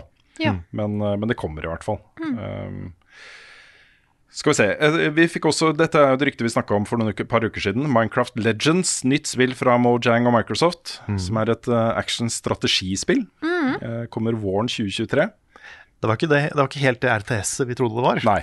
Men, Nei. men det har jo RTS-elementer, visstnok. Ja, det Du så jo interessant ut. Mm, du skal kommandere sånne armies og greier, men eh, du styrer jo én figur, virker det som. Ja. Og løper rundt på kartet og velger sånn adventure-opplegg. Mm. Ja, nei, jeg er veldig veldig imponert over hvordan de har forvalta Minecraft-merkevaren. altså. Det har skjedd mye. Minecraft Dungeons er kjempebra. Kjempebra. Kommet masse delelser. Jeg husker jeg, da jeg satt og spilte det eh, da det kom ut, så var det sånn at ja, dette er bra, det har potensial. Hvis de følger opp med liksom mer content, nye dungeons, nye områder, eh, mer loot, nye armor, den type ting, da, som de, de på en måte la opp til, så kunne det bli fantastisk. Jeg føler som at den terningkast fire som jeg ga den gangen, bør egentlig oppjusteres til en femmer. Også. Ja. Fordi um, det har kommet så mye bra. Jeg har sittet liksom over skulderen til sønnen min og fulgt med på dette. her. Han har tatt platinum med en kompis i Minecraft Dungeons helt på egen hånd. Wow. så han var veldig stolt av det, da. Um, jeg bare nevner det kjapt, det er fordi det var en trailer som vi uh, ble gira på alle sammen. Uh, The Last Case of ben Benedict Fox. Som kommer på PC og Xbox våren 2023. Klarer aldri å huske den tittelen. Nei, den er litt, uh, den er litt vanskelig å huske. Men uh, dette er jo et 2D uh, action uh, Metroidvania-spill med masse overnaturlige elementer. Så dritkult ut. Ja, det så kjempebra ut. Og det er bare sånn Merk det navnet, liksom. Dette er et spill vi kommer til å snakke mer om etter hvert. Nå la hun seg til sånn helt oppi halskroken min. Ja. Mm, flyttet, seg, flyttet seg fra eh, fanget. Ja. Litt vanskeligere å lage podkast, men uh, hunden er viktig. Ja. Det er- ja, det var hunden du snakka om. Ja, det var ikke Frida. Nei, da er det faktisk litt rart. Det er kanskje greit å, greit å spesifisere. Yes. Um, og, så fikk, og så fikk vi dato, eller tidslanseringsperiode. Det er vanskelig å lese til meg. For du må legge deg ned, du. Bare ligge deg ned. Ja. ja. Er det litt vanskelig å ligge her? Ja. Der snakka Rune til meg, da. ja. Sånn. Så han må legge seg til, sånn at jeg ser telefonen. Um, ja, Diablo 4 uh, kommer våren neste år. Vi fikk også se liksom Necromancer-klassen. eh, og masse gameplay. Jeg syns de var uh, Dette var nok et ganske bevisst valg eh, Blizzard gjorde der. Ved å vise så mye gameplay fra masse forskjellige områder og dungeons og sånne ting. 150 dungeons skal det være, det spillet her. Um, og de sier jo at, eh, at dette vil være et fullprisspill. Uh, at det også vil være kosmetiske mikrotransaksjoner, uh, selvfølgelig. Men at det vil da ligge et stykke fra Diablo Immortal uh, og de økonomiske modellene der, da. Ja. Jeg håper jo det spillet får en bra launch, i og med at Diablo 3 var, ganske, var det ganske mye trøbbel med. da Ja, det kom. det tok litt tid før faktisk var et eh, Ble veldig bra, da. rett og slett. Og så fikk vi et eh, nytt spill fra utviklerne av This War of Mine og Frostpunk, eh, som heter Alters. Og dette er et utrolig spennende studio, altså, fordi nå har de på en måte gjort sin egen greie og sin egen vri på ting eh, to ganger. Vidt forskjellige spill, eh, disse to spillene. Og Alters er vidt forskjellig fra de to igjen. Og her er du på en slags ekspedisjon for å redde verden, eller something something. Eh, og for å løse oppdraget ditt, så henter du da versjoner av deg selv fra andre dimensjoner, som har forskjellige skills. Så du komponerer da en besetning på dette romskipet, eller hva det er for noe, eh, av deg selv, fra andre dimensjoner. Så en hadde gitar, sånn er tydeligvis eh, besetningens underholdningssegment. Det er praktisk hvis du på en måte trenger en hær, men ikke stoler på andre mennesker. Nettopp. Kan du bare hente deg sjøl. Nettopp. Ja, det var en utrolig frisk trailer, selv om det bare var CGI og sånt. Så det at du fikk det der weirde greiene om at du kommer til operasjonssalen, og der ligger en død versjon av deg selv, og rundt det bordet så står det mange andre versjoner av deg selv. Og så zoomer du forskjellig ut- skjegg. Ja, forskjellig skjegg, men alle ser like ut. Ja. Det, er der, det, det er deg selv, liksom. Og så zoomer du ut derfra igjen, og da ser du liksom et uh, veldig sånn svært sånn skip, romskip, som ruller over en planet. Med masse greier i bakgrunnen. Utrolig interessant setting. Ja, kjempestilig. Veldig altså. spent på å se uh, på en måte hva dette her eh, blir for noe. Multiverse er hot om dagen. Ja, det er det. det, er det. Jeg anbefaler, anbefaler folk å se Everything Everywhere All At Once. Den skal jeg se. Ikke fått sett den ennå. Nei, så uh, ja, det, den er bra. og så syns jeg dette er jo ikke uh, min greie i det hele tatt, men Victoria 3, traileren de viste fram på PC Gaming Show, var utrolig sånn der selvsikkert, sånn autoritært. Her kommer kongen av liksom uh, deep strategy Ja. med et nytt spill. Bare se hva vi kan gjøre her. Paradox er på plass. Ja, ikke sant? Så, så det tror jeg nok blir akkurat det folk har lyst på. Ja, det var mye sånn. hype i chatten vår da det ble vist. Ja. Og så har vi fått litt eh, Resident Evil-nyheter sånn på tampen. Eh, det kommer en Resident Evil Village DLC 28.10, uh, som består av tre deler. Du har Shadow of Rose, som er en story. Og Rose er jo eh, ganske til stede i uh, Village. Ja, men det er jo en, dette er en DLC som på en måte spoiler historien i Ja, spillet, så pass på at du spiller det ferdig først. Nettopp. Men du får jo ikke se liksom uh, tenårings-Rose før i en epilog. Nei. Eh, og det er der du kommer inn, da. Mm. Uh, og jeg syns den epilogen var dritkul, og jeg tenkte dette er Resident Evil 9, da. Ja, det var, jeg trodde de kom til å spare det her til, til 9. Jeg også. men tydeligvis ikke. Nei, det kan hende at hun er i 9 også, da. Det er Der kommer det en egen, egen story med henne. Um, og så blir det da innført, den andre delen er at det blir innført tredjepersons synsvinkel i hovedhistorien. Det så jeg ikke komme. Nei. Nei, For det er interessant. ganske mye jobb. Det er masse jobb, og da legger du deg jo nærmere Resident Evil 4. Mm. Som jo også, det snakka vi om forrige uke, men det får jo en, uh, får en uh, remake neste år. Uh, så det er spennende. Men, men førsteperson og tredjepersons combat er jo liksom to, nesten to er forskjellige to sjangre. det, jeg bare ser for meg hvor jeg, jeg, jeg, tror ikke jeg, jeg kan ikke huske utenom GTA 5 sist et spill gjorde noe sånt. At det Nei. bytta på en måte vinkel og bytta nesten sjanger. da på den Ja. måten. Nei, det er litt spesielt. Du har det i Destiny. Når du bruker sverd, så går det i tredjeperson. Ja, stemmer. Men ikke med guns. Ikke med guns. Nei, men For det også er sånn sjukt mye jobb. Og I tillegg så kommer VR-versjon. Ja. Så det er tre forskjellige måter å spille det spillet på. Oh boy. Ja. Capcom jobber hardt. Ja, det gjør det. Eh, og den siste delen av, uh, av den delscenen vil da være flere oppdrag til Mercenary, og du vil også kunne spille som Lady Dimitrescu og andre figurer, da. Du kasta uh, Mercenary. stoler. Hun kasta Stoler. Ja, nettopp. Uh, All right. Og så da er det jo disse eventene som kommer eh, natt til i morgen. Dragons Dogma, ti minutters eh, video. Eh, pluss da Fine Fancy 7-event. Begge deler er da eh, i natt, så det får vi jo ikke dekt her. Men uh, check a look på internett. Yes, vi, eh, nyheter. vi skal streame det på Level Up-kanalen. Det er for seint hvis du hører podkasten. Ja, Ja. Så da, men du kan se opptaket. Kan se opptaket. Hvis det blir veldig bra, hvis det blir en god diskusjon med Vi har jo litt gjester og litt sånn, Ja. så mulig vi lager en video på det etterpå. Ja. Så Det siste jeg satte satt opp da, av de store nyhetene, var jo et nytt uh, Ringenes herrespill. The Lord of the Rings Return to Moria, som kommer i 2023. Uh, her er du da i The Minds of Moria. Uh, du, du er dwarfs. dwarfs. Du skal bilde og crafte og slåss mot uh, monstre og, og sånt. Det er survival-spill inne i fjellet, liksom. Eh, tror det var for inntil åtte samtidige spillere. Riktig. Mener å huske det. Er det noe jeg har mista som dere har lyst til å snakke om? The Plucky Squire. Ja. Ja, det er sant. Ja. Han, ja.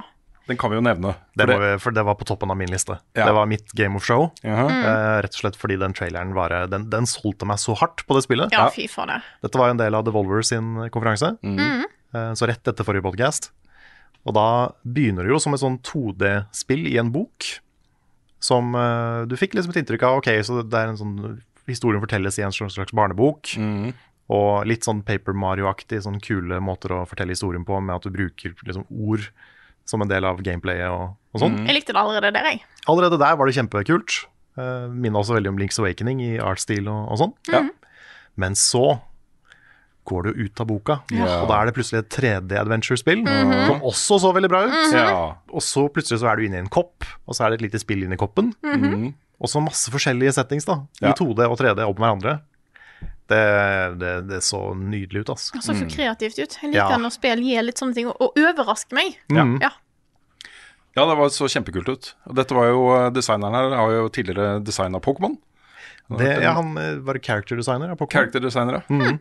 Så um, Veldig stilig. Jeg vil også, kan jeg nevne en ting til? ja, det kan du. Uh, Demon School. Ja, nettopp. Det var jo vist på PC Gaming Show. Ja. Eh, en, en slags sånn indie-persona Mm. med en retro-stil. Det var turbasert kampsystem, det var kalendersystemet som du har i Persona, hvor dagene går og du sikkert må bestemme hva du skal bruke tida di på, hvem du skal være venner med og sånn. ja. En litt sånn demonunderverden. Det var veldig Persona, Mm. men eh, det er ikke feil, det. Det er ikke feil, så veldig, veldig kult. Ja, det er masse masse, masse mer vi kunne ha nevnt her. Det ble jo vist flere hundre spill. Ja. Eh, vi eh, har jo streama mange av disse konferansene. Mm. Snakker om det meste. Så, så hvis du er Og da spilluka, selvfølgelig. Uh, mer, mer der. Og der ser du også video fra alt vi snakker om. Så, um, eh, så hvis du vil ha mer etere, så kan du gå tilbake og sjekke ut det. Jeg har egentlig bare én nyhetssak til som jeg har lyst til å nevne før vi går videre i podkasten. Og det er denne her Gran Turismo-filmen som eh, jeg kanskje var veldig skeptisk til når jeg nevnte den sist. Uh, nå har den fått dato. Det er 11. august i eh, neste år. Uh, men det er faktisk Neil Blomkamp som er regissør av den filmen her. Det er jo da mannen bak District 9 og Chappie, blant annet. Wow, ja. Uh, og historien følger da en tenåring som vinner en spillturnering og blir profesjonell racer for Nissan. Og da er det plutselig plott som Ja. er litt sånn derre uh, Days of Thunder, eh, Top Gun altså det kan, Dette kan faktisk bli noe, da. Ja, Ja. ja. Dette høres ikke dumt ut. Vinner en spillturnering som vi vinner en Gran Turismo-turnering? Ja, og det har skjedd Ja. før. At, at premien, Førstepremien var at du ble en racer for offisielle Nissan-teamet i faktisk virkelighetens Gran Turismo. Da. Jeg vet ikke hvordan det gikk, men, Nei. eh, men eh, fikk i hvert fall prøve seg. Det har jeg ikke hørt om. Det er, ja, det er veldig stilig. Så dette er, det er faktisk en god, et godt plott, syns jeg, da. Så det er på en måte The Wizard, den Nintendo-filmen. Den Som husker er, jeg ikke. ender med en sånn Super Mario Bros. 3-konkurranse. Ah, Så det er litt sånn. litt sånn. Litt sånn. Var dines best, hvor var fredag sist? Har Carl egentlig sopp? Ukens spørsmål. Og vi starter med en vignett. Ukens Sinfo. Det virker som spillindustrien har fått litt tema over seg som spinner over noen år. Vi har vært gjennom vikinger i form av flere spill. Nå for tida er det vampyrer som er det store. Pirat- og krigsspill har fått sine roller. Men er det et tema dere føler mangler? Og tror dere at spillutviklere snakker sammen eller blir inspirert av hva, hverandre skal, eh, av hva andre skal lage? Herregud. Er det som musikk å følge trenden? Ja, godt spørsmål. Og det er jo, du ser jo dette i all populærkultur. Mm. Hvis noe blir populært, så er det mange andre som har lyst til å gjøre noe innenfor det. Og det handler ikke så mye om at de snakker sammen, det tror jeg ikke de gjør. Nei, Men ikke det er eh, en sånn kombinasjon av, av inspirasjon og kommersiell tankegang. Mm. Ja. Enten så er det et kreativt team som blir blown away av noe en annen har gjort, eller så er det en sjef som ser noe noen andre har gjort, og hvor mye penger det har tjent, Ja. og bare 'dette skal vi lage'. Det skal være en ny Angry Birds. Jeg er ikke overrasket over at Holdsome Wholesome Directen var fullt av uh, koselige crafting uh, fun times-spill etter bølga til Animal Crossing. Det er på en måte, Og det har- Stardew. Og Stardew Valley. Det har tatt et par år før den bølga faktisk kom, men, Ja, men det tar jo et par år å lage disse spillene. ja, ikke sant? Så, så ja. Det er sant. Så har vi hatt Battle Royale-bølgen, og vi har hatt uh, horror game-bølgen, og nå er det en space horror-bølge. ja. I like it. Nei, Jeg vet ikke om det er noen jeg egentlig savner så mye uh, der. Noe jeg kunne tenke meg å se mer av. Kanskje mer uh, medieval uh, action-rollespill. Ja, mer Elden Ring. Mer Elden Ring. Ja. Men det kommer vi nok til å se nå, da, tenker Ja, ja, ja. jeg. Det kommer jo et par år. Mm. Så begynner det å komme mer av det, tenker jeg da. Ja. Jeg blir ikke overraska dersom neste Assassin's Creed øh, foregår i noe sånt. ja, det er Nei, sant. det skal bli Aduka snart. Ja, Ja. ikke sant. Mm. Så, så, så dette er en naturlig del av alle underholdningsmedier. Um, og det er nok uh, Sånn må det bare bli. Det som til slutt skjer, er at folk blir drittlei. Og det skjedde jo med andre verdenskrig, Ja. hvor du hadde Call of Duty og Medal of Honor Mm. uh, og Brothers in Arms, uh, og masse andre da som prøvde å liksom kapitalisere på den uh, trenden. liksom Det kom jo så vilt mange spill over så mange år, og til slutt så var det liksom alle var drittlei. Mm. Og da kom liksom Battlefield Vietnam og alle de andre greiene, da. Ja. ja, et ønske, da. Jeg tror du er enig, Frida. Uh, 3D-maskottplattformspill. Ja, for jeg Ja. satt og tenkte på det samme. Nå har 3D-plattformene begynt å dukke litt opp igjen fra, fra lager og det har vært laga på. Og jeg håper virkelig at den, den bølga får, eh, får fortsette, og at det ikke bare er litt skvulp. Jeg kan ta et spørsmål her fra uh, Ricky D. Richie D. R Rickety. Hvorfor har det blitt en trend for spillselskaper som har holdt på lenge, å bli kjøpt opp av f.eks. Sony og Microsoft? Har det blitt for komplisert og ulønnsomt å lage spill? Er det et dårlig tegn for spill med det i framtiden? Og Det vi ser der, er jo en, en konsolidering. og en, altså Dette er business-siden av spillindustrien. Ja. Eh, og her sitter jo folk som eier aksjer. Eh, og mange av de eier aksjer fordi de har lyst til å tjene penger på de aksjene. Og Hvis de får da et bud som gjør at de tjener penger på de aksjene, så er de interessert i å selge. Og Sånn er kapitalismen, sånn er eh, aksjeselskaper. Ja, jeg tror hun kanskje trenger en tur ut, men eh, det får vente litt. Hun klarer å holde seg litt til. Og det, sånn, sånn er det bare. Ehm, og jeg tror at det grunnen til at det blir så mye av det akkurat nå, er at jeg tror spillbransjen gjør det samme som vi har sett i film og TV og andre medier. Det blir færre og større aktører, og de svelger opp de mindre. Mm. Um, fordi de har råd, og fordi de eh, får liksom mer markedsmakt da, ved å gjøre det. Jeg tenker at så lenge disse små selskapene får lov til å drive litt så, sånn som de ønsker, Mm. og at ikke eh, de er nødt til å eh, følge da toppsjefene i de store firmaene og sier hele tida, Mm. så går det greit. Ja, Det er en fare for at det skjer, da. Ja, det er Sånn, da. eh, Se på alle de selskapene IE har kjøpt opp opp igjennom. Hvor mange Ja. av de som er borte nå. Ja. Maxis, RIP. Maxis, Bullfrog, alle, alle disse Westwood. Ja, og så har du det andre elementet. Når, når det er bare pengene som rår, så får du sånne situasjoner med Saudi-Arabia, som har kjøpt seg inn i Embracer Group nå, f.eks. Mm. Med Tencent og kinesiske selskaper som kjøper seg opp i Vesten. Var det ikke Saudi-Arabia som også kjøpte seg inn i Nintendo nå? Jo. Jo, stemmer. Mm. 5 stake i Nintendo. Mm. Og det er på en måte Jeg så sjefen for eh, Embracer Group var ute med en lang sånn eh, forsvarstale for hvorfor de hadde gjort dette og sånne ting. Og hans forsvar er jo bare De kommer ikke, til, kommer ikke til å legge seg opp i hvordan vi driver selskapet vårt. Så det er fortsatt vi som bestemmer hva selskapet vårt skal gjøre. Mm. Så det at det er situasjonen er som den er i Saudi-Arabia, eh, påvirker ikke oss, da. Og det er et litt sånn svakt forsvar, da. Det er det. Fordi eh, eh, du tar jo på en måte alt som heter etikk og menneskerettigheter ut av ligningen, og så er det bare penger. Det er Mm. bare penger og eh, markedskraft. Men pengene kommer jo fra en plass. De gjør det.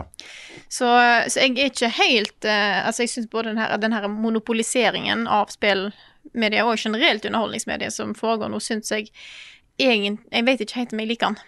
Nei, men det, det gir samtidig, da uh, Og det, dette er litt sånn naivt av meg, Uh, men, uh, men uh, litt sånn håpefullt også. Fordi du har aktører som Annapurna, uh, Devolver Digital, Mm. Funcom, mm. som publisher, da, selv om de er 100 eid av Tencent, som gjør sin egen greie. Og Raw Fury, ikke minst, ny aktør. Uh, det gir på en måte plass da, til de litt mindre aktørene til å gjøre uh, sin egen greie. Ja. Fordi du får et alternativ. Uh, et tydeligere alternativ til de store gigantene. Mm. Og det er positivt. Absolutt. Absolutt. Men det er nok et poeng, da, som var det Ricky D sitt spørsmål. Mm. Eh, at det også det blir bare dyrere og dyrere å lage spill, og da er det skumlere og skumlere å ta sjanser. Så spill blir jo safere av det. Du får flere oppfølgere som er eh, litt sånne bankers hits. Mm. Og også dette her arms racet vi ser nå, med konsollkrigen og Xbox og Sony og Ja. i det hele tatt. På midten av 2000-tallet så var det jo sånn at eh, både EA, Ubisoft og Activision de hadde noen gullhester. Også noen som tjente vilt mye penger, som Mm. gjorde at de kunne eksperimentere litt. Da fikk du jo sånne spill som Mirror's Edge for eksempel, fra EA, Mm. som var et eksperiment. De tenkte at ja, det er ikke sikkert dette går bra, men vi tjener så mye penger på Fifa at det kan vi tillate oss. Mm. Uh, og det er riktig som du sier, det er blitt mye dyrere å lage spill nå. Det å ta de riskene er mye mer risikofullt. da. Eh, så, så jo større du er da, og jo mer du kan liksom spre utgiftene på forskjellige prosjekter, jo større risker kan man ta. Og det er jo de riskene, Dette snakket jo Nintendo om for et par års, ja, et års tid siden også.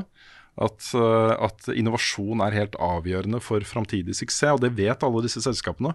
De må ta noen sjanser, innimellom i hvert fall. Mm. Um, og da må du også tjene de pengene et sted hvis de feiler. Så um, Hva skjedde med UbiArt, f.eks.? De hadde jo liksom Rayman Legends og Origins, som var Mm. dritbra. Mm. Child of Light, som var amazing. Og så bare borte. Ja. Ja. What the hell? mm. Godt spørsmål. Ja, EA har jo fortsatt den der, hva det heter, EA Jeg husker ikke. Nei, jeg vet hva du mener. Det, ja. ja. Hvor, det, hvor de satser på noen eh, indiespill. Bare et par i året, da. Mm. Det er noen mindre ting, da. Og dette er finansiert av kortpakker i Fifa. Det er det. Ja. Mer eller mindre. Mm. Selv om det blir jo ofte kommersielle suksesser, det også. I hvert fall tjener de pengene. Så, men det, det er nok litt sånn spillbransjen er. Færre, større, færre og større utgivelser, mm. men også uh, mye indiespill. Og sånne ting som, eh, som Humble Games, f.eks. Mm. Uh, du har eh, masse utviklere, små studioer, som oppsøker den type publishere for å få ut sine spill. Da. Mm. Og det vil det fortsatt være. Ja. For det er både vanskeligere og lettere å lage spill enn noen gang. True. Mm. Jeg tar et nytt spørsmål her. Ja. Dette er fra Fredrik Eide Taule, som spør hva er deres planer når dere tar ferie i sommer? Nå er det jo snart ferie. ja. Det er Det har vært to arbeidsuker igjen, jeg tror jeg.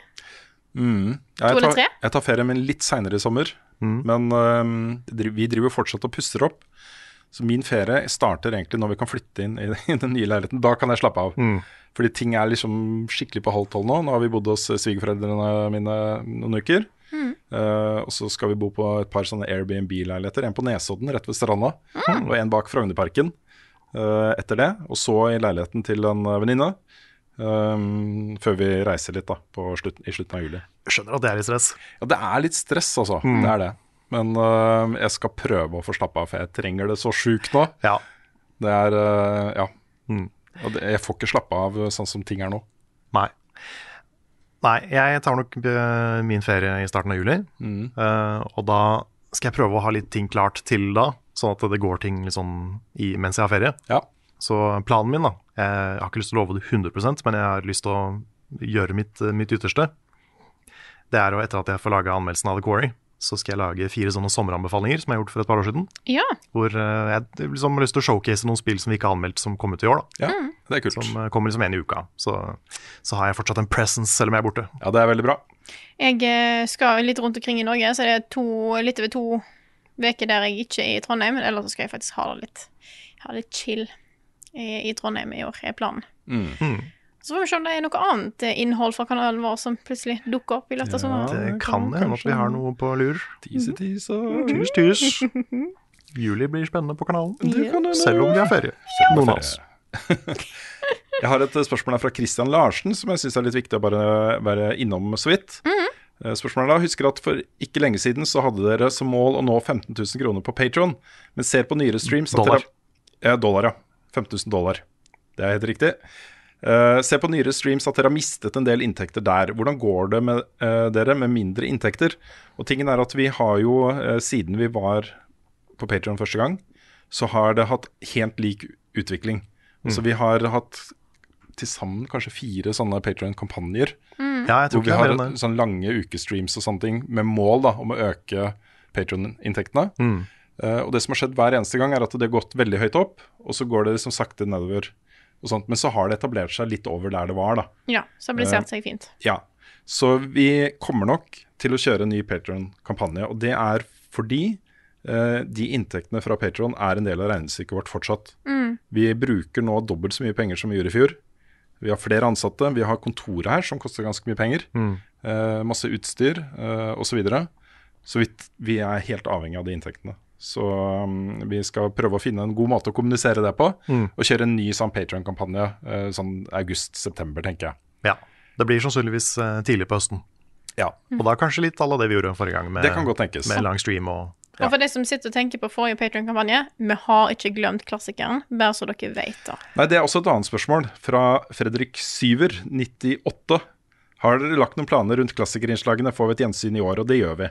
Vi, har, vi har planlagt og begynt å jobbe med det, um, så, så det kommer. Ja. Ja. Det har blitt litt utsatt, dessverre, og det er fordi det skjer så mye annet. Det er Hele tida så er det nye ting å, å plukke opp, og da havner det litt sånn bak i køen. Men vi har ikke glemt det, og det er virkelig på prioriteringslista vår. Ja. Så vil jeg også si at vi jobber jo selvfølgelig parallelt med å øke inntektene våre på andre måter enn eh, gjennom Patreon. Vi har eh, masse på gang der. Um, så, uh, så uansett, da. Hvis du vurderer å støtte oss på Patreon, så bare vit at det er en investering direkte inn i innholdet vi produserer. Det er det. Og det er øh, flott, da. Alle dere som backer oss på Patreon. Det er er derfor vi er her. Sånn, det, det går nok ikke bort med det første, tror jeg. Nei. Det er behovet. Nei, vi har jo vært, eh, vært på egne bein i eh, hva blir det, snart seks år? Ja, det er litt over seks. Litt over seks år. Litt over seks år. Og det, det er jo seks år som ikke hadde Vi hadde jo ikke hatt de seks åra hvis ikke det var for Nei, Patreon. nei, nei. Så det er 100 på grunn av det at vi, at vi er her. Da hadde vi jobbet på Rema, og så hadde vi hatt podkasten på fritiden. Noe sånt. Noe sånt. Ja. Noe sånt. Ja.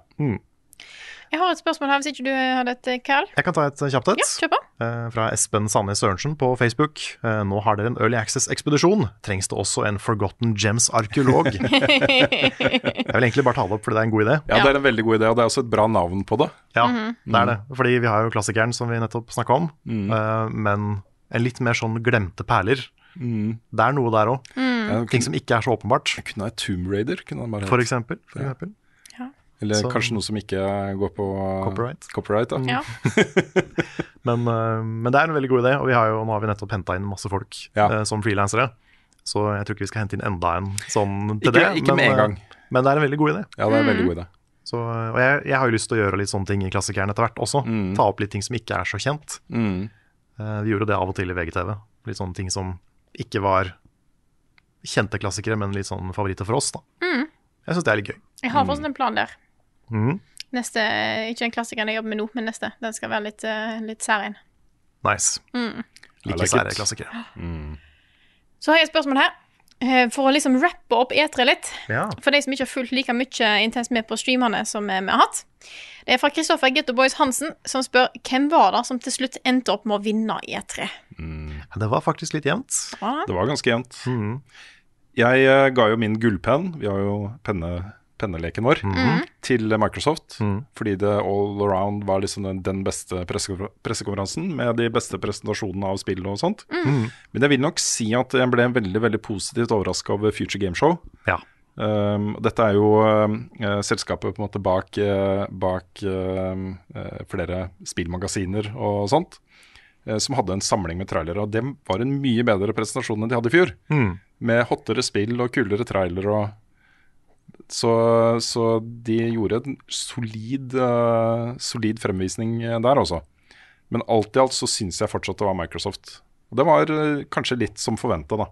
At de skulle få muligheten til å skinne litt ekstra nå som Sony og Nintendo ikke var til stede med sine greier. Og de hadde både, både sine egne ting og Betesta sine ting, og Blizzard sine ting i tillegg. Ja, ja. Så ble det jo en, en samlepakke. Mm.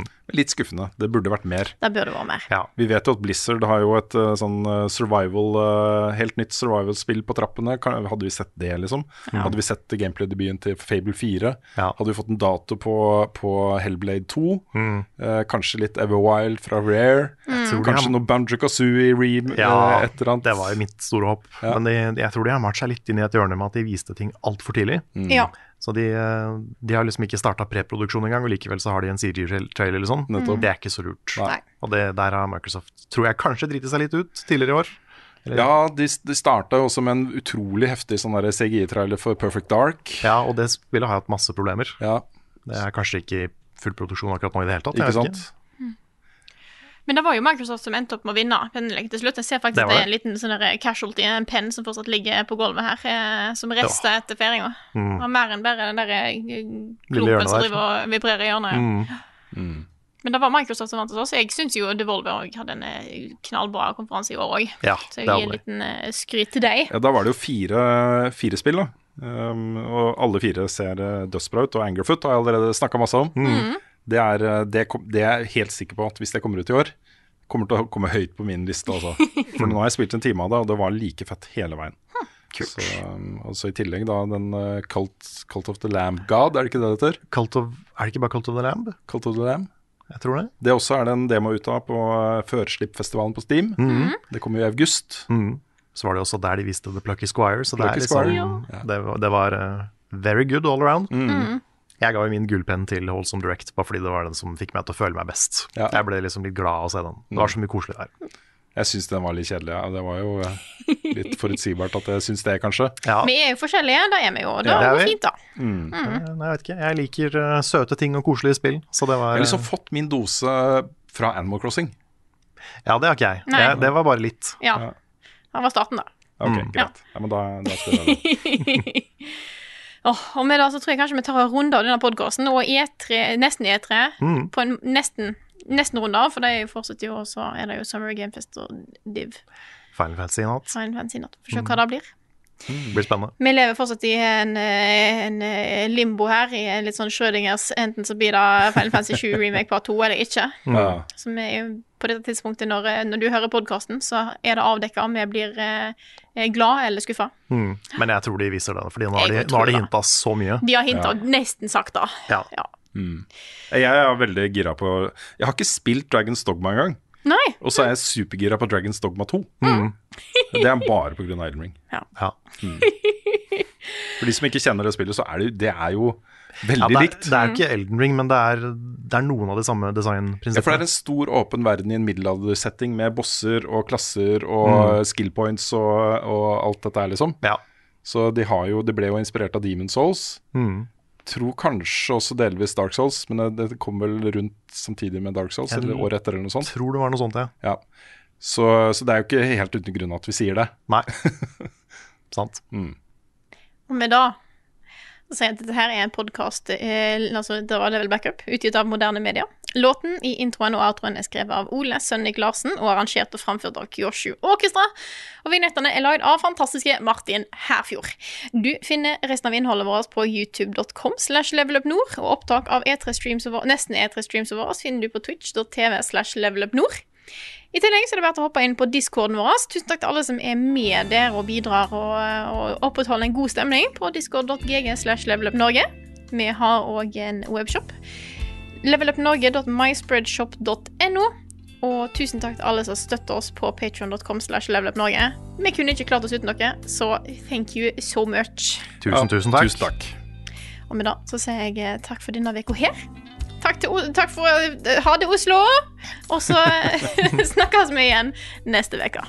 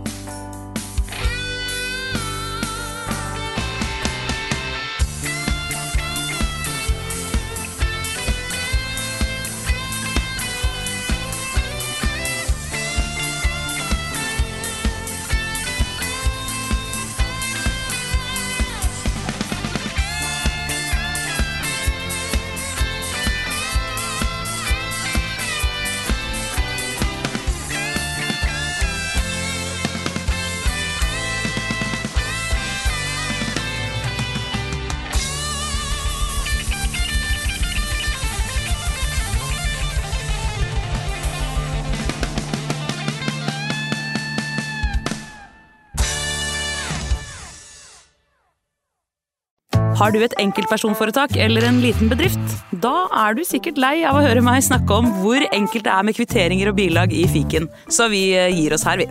Fordi vi liker enkelt. Fiken superenkelt regnskap.